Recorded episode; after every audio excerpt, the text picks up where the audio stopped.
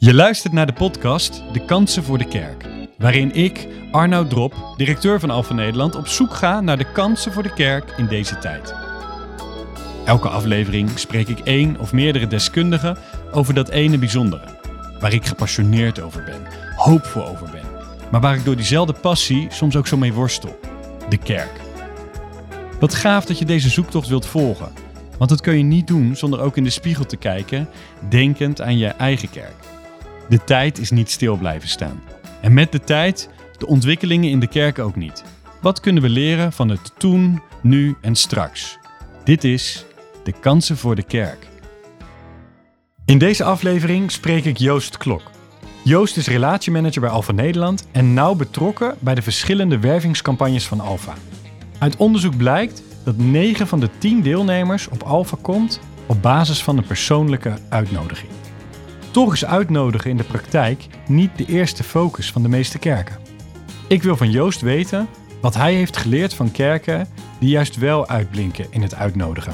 Wat zijn eigen ervaringen zijn en waarom uitnodigen voor veel mensen toch lastig blijft. Joost, welkom uh, bij deze podcast. De kansen voor de kerk. Vandaag gaan we het uh, met jou hebben over uitnodigen. Kerk die uitnodigt, al dan niet uitnodigt, naar buiten gericht is. Um, je hebt daar heel veel over geleerd in de afgelopen jaren. Je bent uh, zelf actief betrokken uh, bij de uitnodigingscampagnes die we met Alpha doen. Um, jij weet dat we campagne kun kunnen voeren wat we willen, maar dat 9 van de 10 deelnemers op een Alpha, ja, die komen door de persoonlijke uitnodiging uiteindelijk. Um, er valt heel veel te zeggen over uitnodigen, waarom mensen wel uitnodigen, waarom mensen niet uitnodigen. Daar ja, gaan wij uh, met elkaar over in gesprek. En ik wil heel graag leren in deze podcast. Wat zijn nou de kansen voor de kerk als het gaat om naar buiten reiken en ja, de gemeenschap aan het uitnodigen krijgen? Dus uh, tof dat je er bent. Ja, en uh, mijn eerste vraag eigenlijk is: rondom de kerk. Waarom zou de kerk moeten willen of moeten willen ja, uitnodigen? Dat is het ding wat mij uh, bezighoudt en drijft. We hebben het beste nieuws wat er is. Uh, dus daar gaat niemand overheen. Als kerk hebben we het beste nieuws ter wereld. Um, dat is het ene uiterste. En het andere uiterste dat we ons ontzettend verlegen voelen. In ieder geval, als ik even praat voor wij in Nederland. Uh, om dat goede nieuws te delen dat is één. En twee, om dat te delen op een manier die ook nog aansluit bij de mensen die luisteren. Ja, uh, zou ik heel graag willen dat we daarin in groeien. En gelukkig zie ik ook mooie voorbeelden uh, waar het gebeurt. En zie ik ook wel eens de pijn ja. waar dat nog niet gebeurt. Dus ja, dat is een interessante zoektocht. Ja, en kijk, wij zijn uh, hier op kantoor zijn we bezig met dit thema. Mm -hmm. um, de podcast is de kansen voor de kerk. We willen ook zo graag benadrukken welke kansen er liggen. Maar ik weet niet of je dat ook ervaart, maar ik voel soms ook wel frustratie. Of bijna een soort, ja, een, een soort boosheid van, maar waarom niet? Waarom gaat men er niet op uit? Uh, maken we ons nog wel echt zorgen over um, onze buren? Er, hoe, hoe zit dat bij jou? Wat uh, proef je daarin? Hè? Want we willen geen, ik wil geen negatieve podcast aflevering. Nee. Maar toch wil ik uh, wel dit bespreekbaar maken, ook aan het begin. Ik ervaar daar wel frustratie over. Hoe zit dat bij jou? Ja, nee, dat herken ik ook. Uh, heel simpel, als ik uh, nadenk over een kerk van 400 mensen, dan is eigenlijk de gedachte die als eerste in me opkomt, als die 400 allemaal één iemand zouden uitnodigen voor de kerk, voor een alfa, uh, stel dat de helft maar zou komen, hè, dan ben ik best wel realistisch, vind ik. Ja. Uh, dan zijn er 200 mensen die goed nieuws gaan horen op een bepaalde manier. Uh, en dat is dan natuurlijk uiteindelijk niet zo in de praktijk. En dus daar zit ook wel mijn frustratie soms. hoe kan dat dan, dat dat niet zo is? Hè? We het wel beste nieuws hebben. Maar blijkbaar voelen we ons wel tegengehouden daarin, of geremd. Um, dus dat, dat moeten we ook wel serieus nemen, denk ik. Daar, daar zit iets. Wat is dat dan? Wat niet helpt, is uh, daar maar overheen te schreeuwen of uh, te veroordelen. Hè? De, nou, ik weet, als jij over frustratie praat, dan gebeurt dat soms als missionaire mensen. Waarom doet de rest toch niks? ja, lekker behulpzaam. Nee, niet zo. dat heeft een reden. Dus daar moeten we iets dieper naar kijken, denk ik. En dat heb ik ook wel geprobeerd te onderzoeken. En dat we, eigenlijk starten dat vanuit alfa's die klaarstaan. Dat is eigenlijk een van de dingen die ik het minst graag hoor. Een alfa-team wil gaan starten, maar er zijn geen deelnemers. Ja, dan was alles was opgetuigd om het goede nieuws te delen. Maar er was niemand die het wilde horen. Ja, ik denk dat er genoeg mensen zijn die het willen horen, maar ze zijn niet daar. Ja, en misschien is het dan goed om vast te stellen aan het begin dat we ja. niet uitgaan van onwil bij mensen, maar dat we op zoek moeten naar iets anders. Want als ik eerlijk ben, afgelopen jaar had ik 52 kansen om mensen mee te nemen naar de kerk. Ehm, en ik heb niet 52 mensen iedere week opnieuw. Of de dame uh, van, van de Jumbo bij de kassa. Of ja. uh, mijn buren of wie dan ook uitgenodigd. Dus dit is ook net zo goed voor mijzelf een, uh, een onderwerp. Waarom doe ik dat dan niet? En wat heb ik nodig? Wat kunnen we leren van die plekken waar dit, ja, waar dit heel goed gaat? Dus laten we vaststellen dat het geen onwil is. Ja, en wat is het dan wel voor jou, als ik even mag doorvragen? Ja, ik denk dat um, wat ik merk, dat ik wanneer ik makkelijk uitnodig voor iets, als ik zelf heel enthousiast ben. Hè? Dus als ik heel enthousiast ben over um, elke zaterdag komt er bij ons een bezorger aan de deur van de Hello Fresh. En ik kan hier aan de collega's volop uitleggen en enthousiast zijn waarom, waarom ik daar blij mee ben en hoe relaxed het is en weet ik veel wat. En de andere keer ben ik enthousiast over noem maar wat. Uh, en um, uh, probeer ik daar iedereen van te overtuigen uit enthousiasme. Niet eens om, uh, omdat je er iets voor krijgt, maar omdat je gewoon denkt, dit moeten anderen ook horen. Ja. En blijkbaar is er iets, misschien wel gewenning of zo, dat je even vergeten bent hoe geweldig hè, waar je mee begon. We hebben het allerbeste nieuws. Misschien vergeet ik dat wel. Of ben mm. ik niet trots genoeg op de kerk um, om mensen daarmee naartoe te nemen. En tegelijkertijd denk ik, ja, maar ik heb ook, ik heb maar één kans bij mijn buren. Wanneer is het goede moment? Oh ja. ja, ja. Dus ik denk dat dat ook speelt. Voorzichtig. Ja. Nou ja, de, Jij? Kijk, een van de dingen um, die ik van Nicky Gummel uh, leer, die vraagt voortdurend uh, aan mensen welk verschil heeft Jezus in je leven gemaakt? De, als je dat verhaal deelt, dan heb je een soort getuigenis. Hè? Van ooit was ik, uh, leefde ik in het donker en nu in het licht. Um, dat is prachtig, moeten we allemaal hebben, denk ik. Mm -hmm. en daar goed over nadenken. Maar we hebben ook nog wel meer nodig, denk ik, dan dat. Want welk verschil maakt Jezus nu in mijn leven? Is niet alleen dat bekeringsverhaal, uh, maar is ook het verhaal. Uh, ik leef nu met Jezus. Ik, ik, heb een relatie met Hem. En Hij vormt me naar zijn beeld. En dat is echt goed nieuws dat hij dat doet. Daar word ik een mooie mens van. Um, dus wat is dat nu? Ja, dat verhaal wil ik ook delen met mensen. Wil ik in verbinden met mensen. Um, als ik het laatste voor mezelf zou verwoorden. Ik ben aan het leren om meer vanuit rust te leven. En uh, niet zo gehaast te zijn. En, en haast en liefde gaan niet zo goed samen. Die uh, ontdekkingen ben ik aan het doen. Uh, ja, daar kan ik over praten met mensen om me heen. Ehm, ook met mensen die Jezus niet kennen.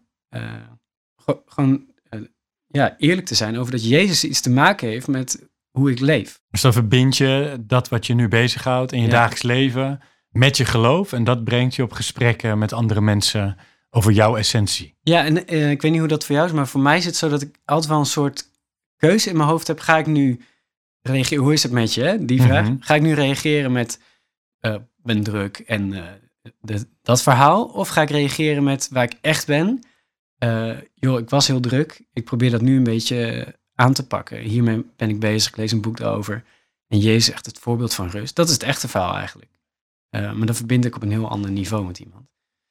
Nou ja, de, even... de vraag is of iedereen rijp voor dat verhaal is natuurlijk. Ja. Zeker als je in de supermarkt iemand tegenkomt. Ja, beetje te heftig. Moet een beetje realistisch blijven. Ja, ja. klopt. Nou ja, maar... dan is misschien vriendelijkheid een heel mooi startpunt. Ja. Maar het gaat wel over uh, welk verschil maakt Jezus in je leven. Ja. Als we dat niet kunnen verwoorden, als ik dat niet kan verwoorden, dan wordt het ook wel, uh, wat heb ik dan eigenlijk? Ja, mooi. Hey, Oké, okay. um, dus besproken dat, we, uh, dat dit een breed levend thema is. Um, en dat we er graag van willen leren. Laten we hem daar dan oppakken als het gaat om de kansen voor de kerk. Want ja. we, de luisteraar die, die wil ook verder geholpen worden. Ja. Hoe, hoe dan? En uh, waarom misschien wel? Um, bij sommige kerken zie je dat dit wel echt de focus is. Hè? Ook kerken waar jij mee optrekt, uh, waar je misschien wel veel van opgepikt heb en geleerd heb, is het eigenlijk een beetje een natuurlijke focus om uitnodigend te zijn, om erop uit te gaan. Kun, kun je eens ons meenemen, wat heb je hierover geleerd in de afgelopen jaren en wat, heb je, ja, wat, wat kun je ons daarin meegeven waar, waar dat wel werkt? Ja, ja, ik denk jullie meteen aan het leger des Heils altijd, als het over dit, soort dingen gaat. Uh, wat leger des Heils altijd zo goed doet, is dat uh, er op allerlei manieren relationeel contact is met mensen. Uh, dus de kledingruilbeurzen, creatieve ochtenden zul je mij niet veel vinden, maar andere mensen wel. Um, ontmoeting rondom eten, altijd heel goed hè, daar zijn natuurlijk als alfa ook fan van. dus er is heel veel relationeel contact mogelijk. En vanuit het relationele contact ja, kan ook interesse ontstaan naar het christelijk geloof. Want daar lopen mensen rond vanuit de kerk die in Jezus geloven en dat ook met zich meedragen. Dus vanuit het contact kan er interesse ontstaan. En uh, dat kan wel groeien. Mensen zelfs wel zeggen, nou, de hele christelijk geloof is wel interessant. Daar wil ik wel eens wat meer van weten. Dat is een beetje de natuurlijke manier hoe het, hoe het zou mogen gaan, denk ik, in de kerk. Uh, dat, dat, zie ik bij het leger, dat zie ik bij uh, buurtkerken ook. Mm In de naam zit dat natuurlijk al ja. hele oriëntatie op de wereld om de kerk heen. En dat is wel eigenlijk de natuurlijke wijze dan. Je ontmoet mensen, je bouwt relatie en vriendschap. Daarvanuit kan er interesse ontstaan. Dus ontstaat er een vraag naar meer. nu heb ik wel eens het idee dat we het andersom doen. dat we proberen interesse op te wekken, terwijl er niet altijd relatie ligt. En uh, dan wordt het weer wat lastiger. Maar het goede voorbeeld hè, om de kans te benadrukken, ja, die zie ik op die plekken wel.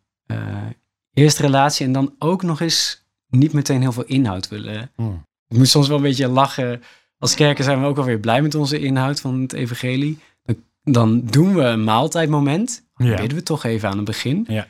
Of hebben we nog een bijbelgedeelte aan het eind, weet je wel. Er wordt altijd nog even een boodschap ingestopt. En zeg jij dus... Um ik leer van het leger, van die buurtkerken, dat gewoon intentioneel met mensen optrekken en gewoon je leven delen.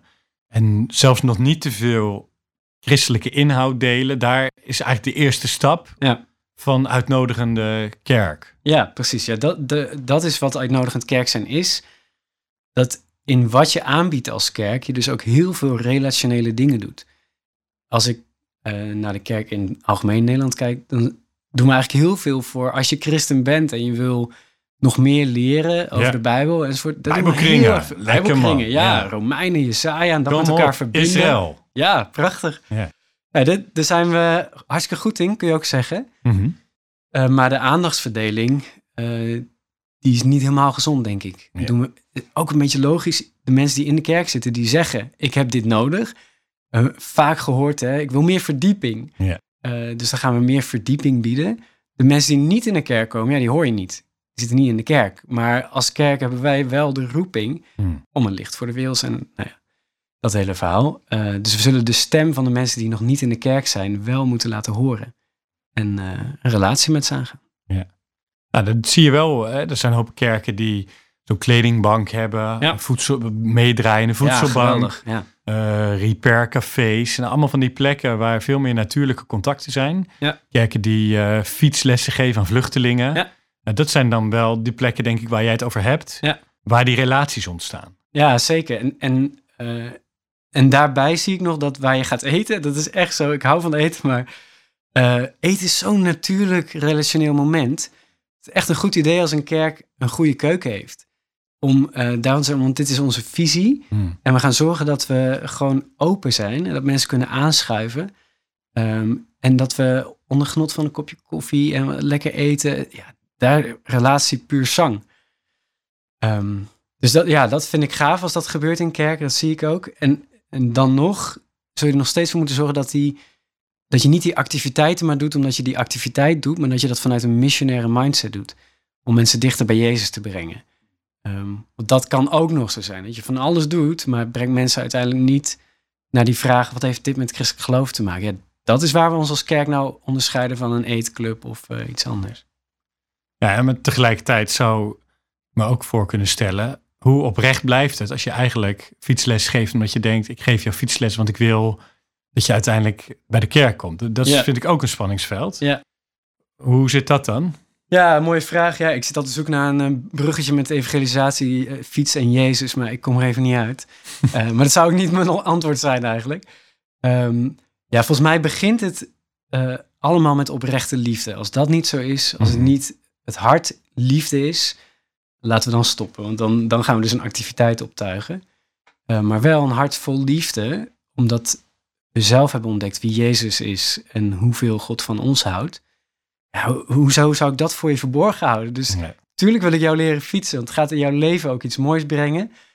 Je wordt mobiel, al dat soort dingen. En dat is helemaal het koninkrijk van God. Maar de, het hart van het koninkrijk van God gaat over wie Jezus is en de genade en de liefde die voor ons daar ligt. Ja, in een van de eerdere afleveringen moet ik nu even aan terugdenken. Sprak ik Arjen ten Brinken en spraken we ook door over dat moment, um, ja, het Matthäusfeestje, het ja. Matthäus-diner, waar Jezus dus gewoon aanschuift bij die tollenaars en zondaars. Ik, heb helemaal niet, ik lees daar nergens dat hij van wal stak en uh, ging preken. Uh, maar hij lag daar gewoon aan en hij ging daar gewoon eten. Nou, dat, hè, ja. Daar komt waarschijnlijk jouw liefde van die maat ook vandaan. Hè? Ja, nee, zeker bijbels Zeker, heel bijbels. Maar dat, dat is wel... Um, ja, daar moet ik nu aan terugdenken. En daar, daar doet Jezus dit volgens mij ook. Gewoon aanliggen. Hij werd overigens wel geholpen met een paar mensen die dan die vragen stelden van waarom lig je aan met zondags en tollas, waardoor hij wat inhoud kwijt kan. Dus misschien moeten we dat dan... Uh... nou, sterker, Jezus leeft dus zo dat het vragen oproept bij anderen: waarom trek je zoveel op met die mensen? Ja, dat hoor ik niet zoveel uh, als verwijt richting de kerk. De kerk doet fantastisch veel voor mensen in de problemen, maar dat is wel een mooi verwijt om te horen. Van, uh, eigenlijk vragen ze: heb jij je focus wel goed op orde? Want je bent zoveel met die mensen bezig. Nou, Jezus zegt natuurlijk met zijn leven: ik heb mijn focus goed op orde. Hoe zit het met die van jou? Ja, oké, maar dan heb je dus die uh, uh, relaties, die eerste mm. contacten. Um, ben je dan uitnodigende kerk? Wat, wat, wat komt daar, wat is de vervolgstap? Nou, wat ik al een beetje noemde, volgens mij vanuit die relatie mensen uitnodigen om meer te gaan ontdekken. Uh, dat is één. Dus ik, volgens mij is het voorwaardelijk dat we de kerk zo inrichten dat we volop relaties leggen. maar twee, ja, de kerk zit al vol, hè, die 400. die dat zijn mensen die Jezus willen volgen, die hebben daarmee een uitnodiging om uit te nodigen. Dus dan blijft nog steeds de vraag, hoe krijg je die, hoe krijg je de kerk nou in beweging om dat te gaan doen? Ja. Ja, dat is best wel een complexe vraag. Uh, en daar, zijn we, daar hebben we ook heel veel geleerd afgelopen jaar. We zijn nog steeds aan het leren. Um, maar een van de dingen die we met een nieuwe campagne uh, daarin willen doen, is ontwikkelen een campagne om kerken te helpen om te beginnen met bidden voor mhm. mensen in de omgeving. Nou, daar begint het wel echt. Um, heb ik ook wel zelf moeten leren. Soms raak je snel in de we gaan het wel even regelen modus. Uh, en een moment wat me daar wel bepaalde, is dat Jezus tegen zijn leerlingen zegt, nadat hij is opgestaan, um, ga terug naar Jeruzalem, ga bidden en wacht tot mijn geest komt. Nou, toen ik daarover nadacht, man, uh, Jezus net opgestaan uit de dood en je bent daarbij in die mhm. tijd, dan ga je toch erop uit. Uh, wat heb je nog meer nodig? Uh, je was daarbij, zeg maar. Um, en dan zegt Jezus in die situatie, nee, maar ga maar wachten en ga maar bidden. En dan komt mijn geest en dan uh, zal ik je uitzenden over heel de wereld. Dus cruciaal dat we beginnen met bidden voor mensen in onze omgeving. En vanuit de kracht van Gods geest ook echt gaan uitnodigen. Um, dus daarin willen we helpen met een platform, noemen we het Eerste Hulp bij Uitnodigen platform. Uh, en dan, dan word je geholpen. Begin nou eerst maar eens met bidden voor degene in jouw omgeving. En als we gaan bidden, dan groeit ook je liefde en je hart voor uh, die mensen. Ja, en, en twee, vanuit die bewogenheid opnieuw, dan mag je de uitnodiging ook wel gaan doen. En uh, kijken of je het gesprek aan kan gaan. En misschien dat die 400 dan toch gaan uitnodigen, Arnoud. Dus dat zou gaaf zijn. dat zou heel mooi zijn. Maar zeg je daarmee eigenlijk uh, we verschuiven de focus van um, wie komt er ja. naar wie is er uitgenodigd. Ja. En ga je dus bezig als kerk met andere dingen. Nou, meestal gaat het over hoeveel mensen heb je op je alfa of zijn ja. ze blij of niet door het aantal deelnemers. Maar hier zeg je eigenlijk, we gaan de gemeente meenemen in een traject van gebed en dan uitnodiging. Dat is een andere focus. Ja, zeker. Ja, dus de, Hoeveel deelnemers je op je alfa krijgt, wordt bepaald door het aantal uitnodigingen dat wordt gedaan. Dus ja, beter focussen we op het aantal uitnodigingen. Eh, want we willen veel mensen eh, bereiken met evangelie. Dus dat, dat begint daar, denk ik. Eh, en het is ook iets, eh, kijk, of iemand ja of nee zegt, is niet aan ons. Dat is tussen die persoon en God. En we kunnen daarvoor bidden. Ehm, maar daar hebben we eigenlijk geen invloed op. Waar wij wel invloed op hebben ten alle tijde is of we diegene uitnodigen, ja of nee. Ehm, en als we dat niet doen, ja, dan is de kans heel klein dat iemand eh, uit zichzelf reageert. Maar wij hebben de invloed om iemand dichterbij te brengen. Dus de hele sfeer ook rondom dat eerste hulp bij uitnodigplatform is... laten we vieren elk gebed dat gebeden wordt. En laten we vieren elke uitnodiging die gedaan wordt. Want we vinden dat hartstikke spannend. Maar we brengen iemand dichter bij Jezus. Maar ik hoor jou twee dingen zeggen dan. Je zegt eigenlijk, ga uitnodigen als kerk. Hè? Want zoveel uitnodigingen, dat bepaalt uiteindelijk het aantal mensen. Maar je zegt ook, ehm, ga relaties aan met mensen. Zodat Ja. je die uitnodiging kunt doen. Ja. Want, of betekent dit gewoon, ga de straat op en vraag iedere... Hè, als het gaat om het aantal uitnodigingen en je wil dat ik dat meer ga doen... Ik heb niet het gevoel dat dat werkt. Als ik gewoon op straat mensen ga uitnodigen, ga je met me mee naar Alfa? Ja, Dus hoe weet je dan of wie je moet uitnodigen? Eh, ik heb ook het gevoel dat sommige mensen al klaar zijn voor de uitnodiging, anderen Mm. niet. Ehm, ik ken verhalen van mensen die meerdere keren zijn uitgenodigd, maar op een bepaald moment wel gingen, maar daarvoor niet. Wat is daar dan? Waar moet je op letten in dat hele verhaal? En welke rol speelt die relatie daar dan in waar je eerder over sprak? ja. ja mooie vraag. Dank je. Je had me goed voorbereid. ja, het begint wel echt bij onze eigen bewogenheid, denk ik. Dus eh, wil je eigenlijk wel uitnodigen? En dat gaat ook weer terug op dat verschil wat Jezus in je leven heeft gemaakt. Gun je dat iemand anders? Is dat de moeite waard? Ehm, want als dat zo is, dan gaan we ook uitnodigen, volgens mij. En eh, ja, ik was in, eh, in Londen, eh, hoorde een fantastisch getuigenis in de kerk waar Alfa wordt gegeven. Was s'avonds in de kroeg. En ja, ik, ik kon niet anders dan mensen uitnodigen die ik niet kende. Ja, ja, ja. En de verhaal was zo gaaf wat ik had gehoord. Van een meisje wat zwaar depressief was. En nu stond te vertellen van, maar ik heb Jezus leren kennen op Alpha. Ja, dan hoef ik geen relatie meer. En ik, denk, oh, iedereen moet dit weten.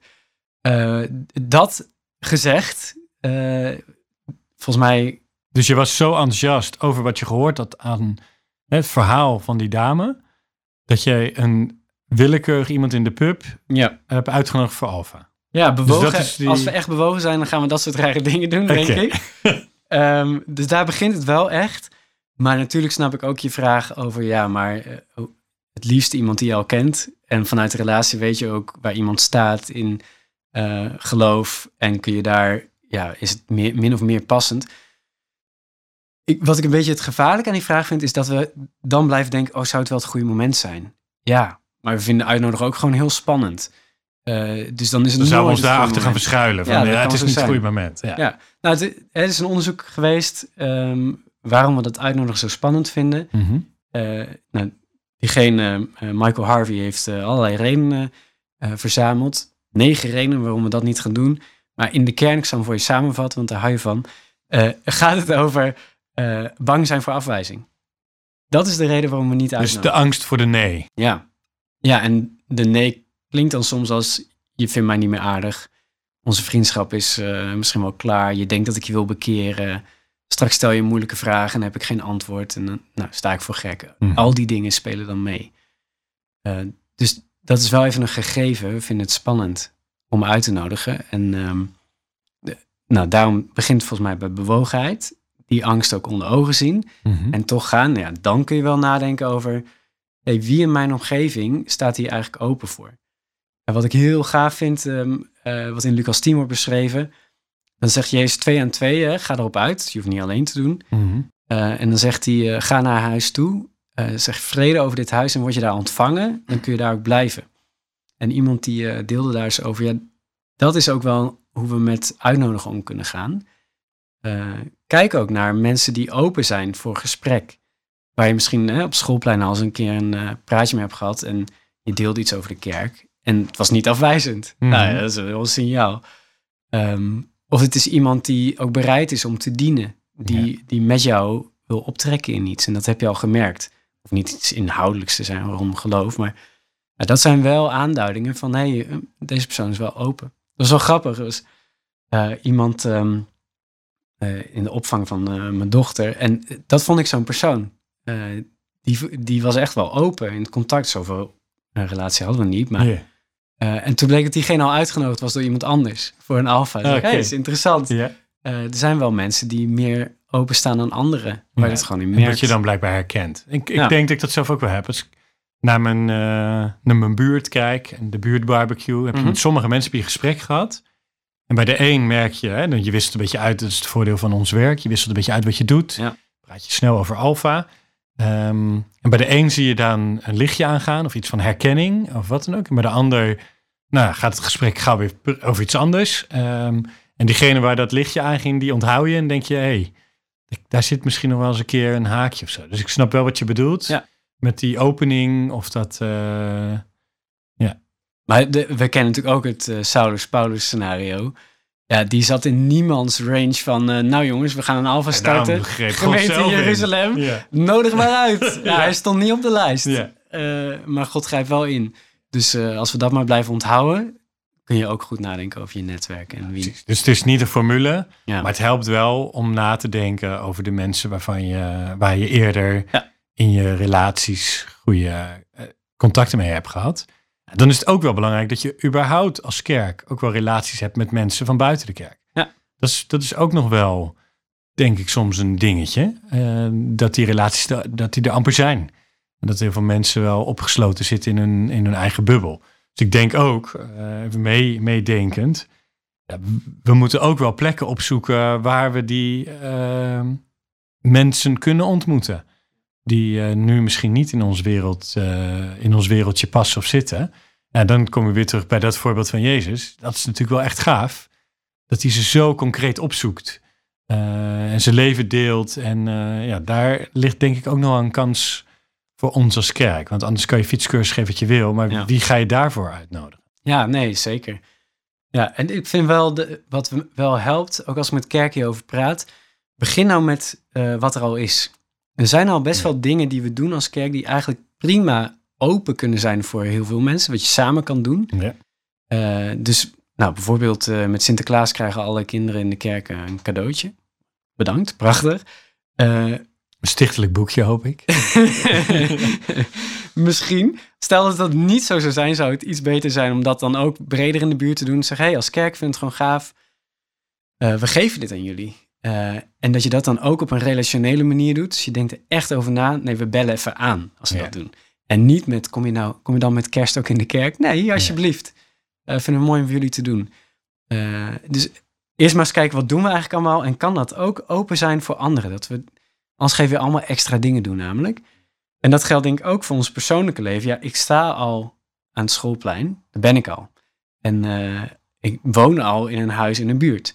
Dat vind ik allemaal prettig eh, om op die plekken dan eh, biddend aanwezig te zijn, open te zijn voor wat God wil doen. Soms een moedige stap te zetten.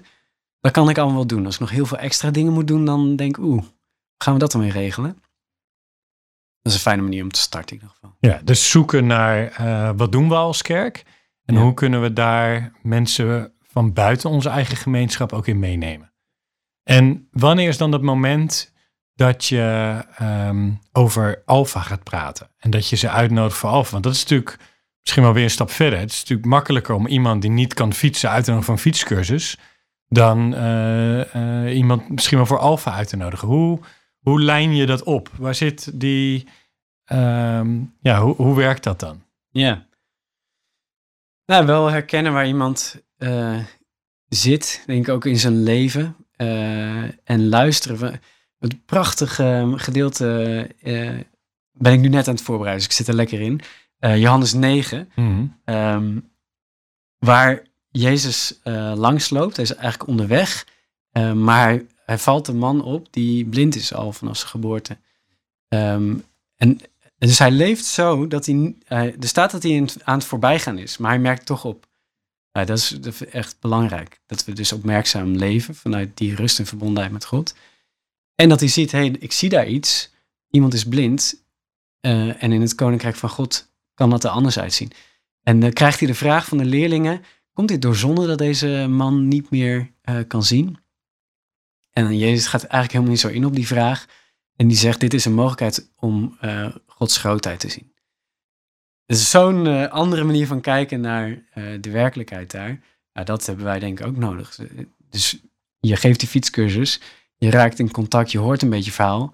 En je luistert naar iets van wat je hoort, wat Gods grootheid kan laten zien. Hey, iemand is eenzaam. Ja, daar, kan Gods grootheid zichtbaar in worden als iemand opgenomen wordt in de gemeenschap van de kerk, vrienden krijgt. iemand is, ehm, heeft even geen werk ja, dan kan Gods grootheid zichtbaar in worden als we gaan helpen om werk te krijgen. Hmm. En omdat het heel je leven weer een beetje op de rit gaat krijgen. Nou, al die dingen. Ik vind dat wel een manier van luisteren eigenlijk naar mensen. Niet met wat is hier verkeerd. Hè? Dat was de leerlingen, de vraag die de leerlingen stelden. Maar waarin is hier een kans om iets van Gods grootheid te gaan zien? Ja, dat is ook wat die bewogenheid waar je net over sprak. Jezus liep natuurlijk ook echt door, zijn, door zo'n dorp heen. En hij moest huilen, want hij zag de mensen als schapen zonder herder. Ja dat is wel een andere manier luisteren. Dat is niet, uh, of even bij die fietscursus te blijven.